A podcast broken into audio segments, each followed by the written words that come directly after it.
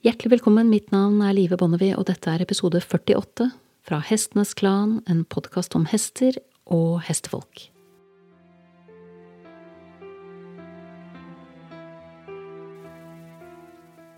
Jeg har nettopp lagt to interessante uker bak meg.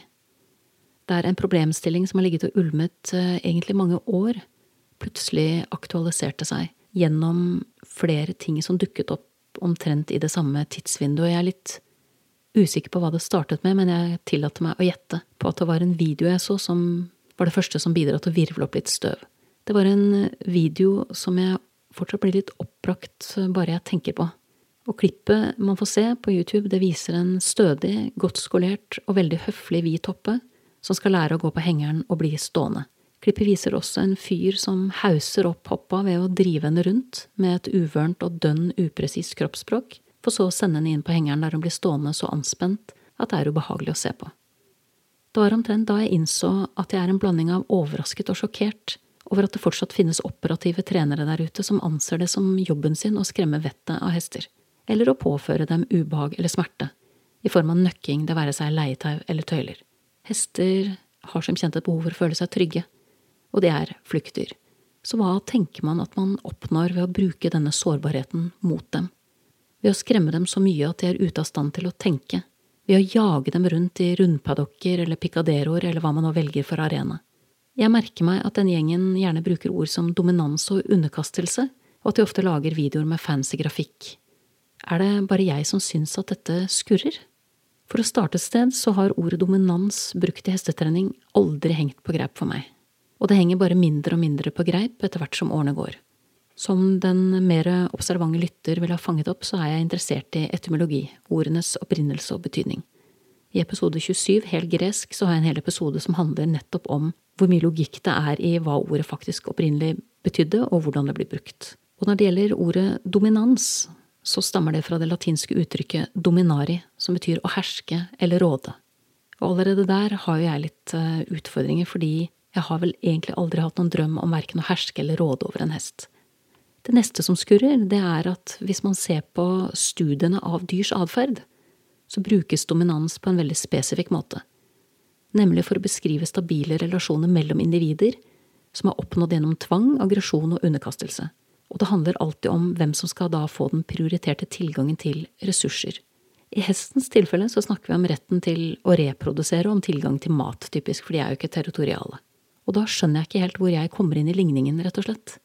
Så kom jeg i den situasjonen at jeg for en drøy uke siden fikk mulighet til å diskutere dette begrepet dominans med en godt etablert hestetrener, og da ba jeg om en forklaring på hva han la i ordet, men jeg fikk ikke heller denne gangen en forklaring som det var mulig for meg å forstå.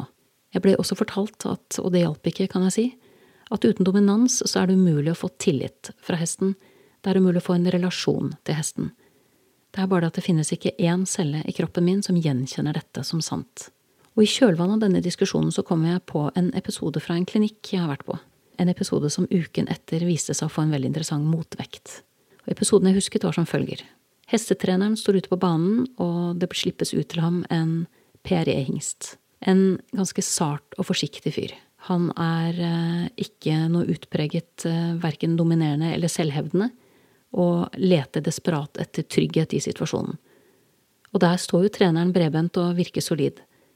Og hingsten tenker at den smarte tingen å gjøre, det er å gå bort til han der. Der er jeg trygg. Så er jo treneren veldig klar på at den hesten skal jo selvfølgelig ikke få lov å komme inn til ham før den er blitt invitert. Og for å gjøre det veldig klart at denne døren er stengt, så tar han pisken mellom seg hesten og vifter kraftig med den, og dette er en lang pisk, så den har et ganske godt moment. Det som skjer videre, det er at eh, denne usikre hingsten nærmer seg sakte, men sikkert denne viftende pisken som kommer en ganske rask frekvens, altså så rask at jeg tenker det er vanskelig for hesten å se den. Men det er nok ikke hovedproblemet. Hovedproblemet for hesten er at han er så utrygg i situasjonen at han er villig til å gå litt gjennom ild og vann for å finne trygghet. Og han lever da i den villfarelsen at det er treneren som kan tilby den tryggheten. Så han går fortsatt mot den pisken, og på et eller annet tidspunkt så kommer han så nærme at snerten på pisken treffer den ene nesvingen, altså smeller til over mulen. Og da får selvfølgelig hesten helt andre behov enn å oppsøke treneren. Den kaster seg rundt og løper som en, en gal, rett og slett. Og det er jo ikke så god plass å gjøre det på, for dette er en picadero på 11 ganger 11 meter. Så hesten løper så fort han kan, og treneren anstrenger seg ikke helt for å unngå å legge mer press på heller. Og det som skjer da, er at hesten faller. Og så er det jo veldig mange i ridehuset som da får en støkk, og treneren eh, insisterer på at det er helt normalt at hester faller, det er ikke noe å bry seg om. Og det er klart at det er jo en veldig spesiell ting å si, syns jeg. Når vi vet at det er bortimot det farligste som kan skje med en hest, er jo at den faller og skader seg. Da er man løvemat neste, så det er jo tull å si at det er noe som bare skjer og ikke er noe problem. Og treneren fortsetter å jobbe med den hesten, og fortsetter å drive som om ingenting skulle skjedd, og den faller en gang til. Og det er klart, da lurer jeg litt på hvor langt vi er eh, kommet, da. Det ene er forklaringen på når hesten får dette slaget over mulen, som er en veldig, veldig følsom del av hestens anatomi.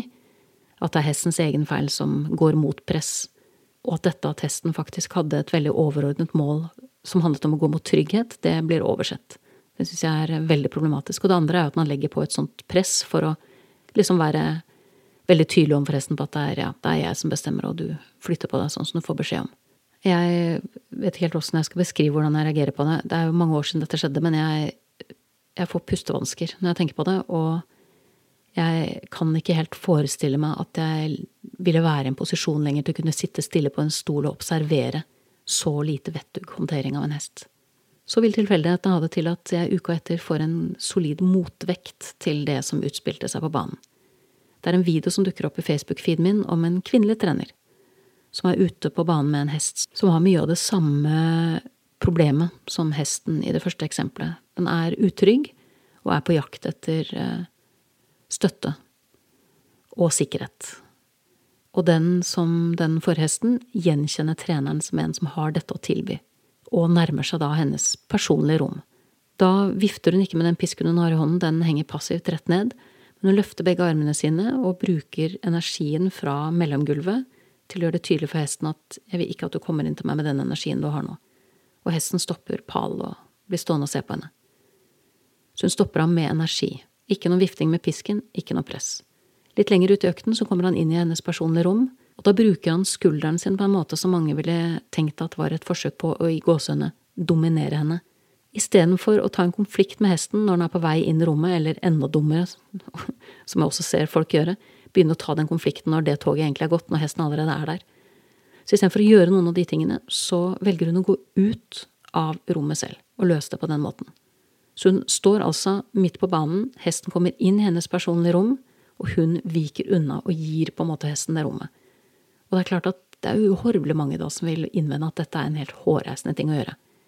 Her har jo hesten latt henne i gåsehudene dominere henne, og hun er i ferd med å skape en farlig hest, og så videre, og så videre, og så videre.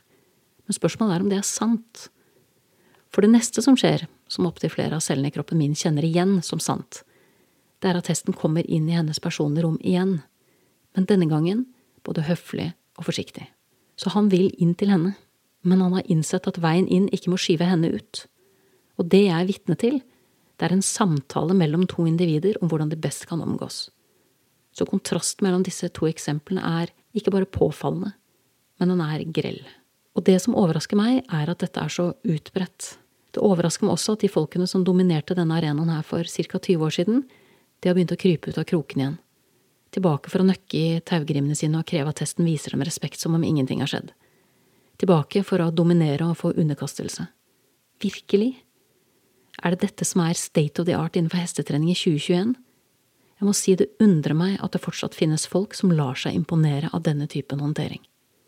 Uansett, Summen av møtene mellom disse to treningsfilosofiene, og ikke minst kontrasten mellom dem, har resultert i to ting for min del. Det ene er at jeg meldte meg på et kurs med den kvinnelige treneren, som har noen veldig interessante brikker i et puslespill som jeg har forsøkt å legge i mange år. Den andre er at jeg har invitert dr. Andrew McLean, som har doktorgrad i nevrovitenskap og er daglig leder på Equitation Science International. Han skal hjelpe meg med å se nærmere på hestens kognitive prosesser, hvordan hesten lærer, og ikke minst diskutere det etiske ansvaret vi har for å trene hestene våre på en skånsom måte som ikke setter velferden deres i fare. Ham treffer du i neste episode hvis alt går etter planen. Og tanken bak er som følger. Hvis vi vet bedre, så gjør vi bedre. Du har nettopp hørt episode 48 fra Hestenes Klan, en podkast om hester og hestefolk. Takk til min faste komponist Fredrik Blom, og sist, men ikke minst, takk til deg, kjære lytter, for tålmodigheten måtte hesten for alltid være med deg.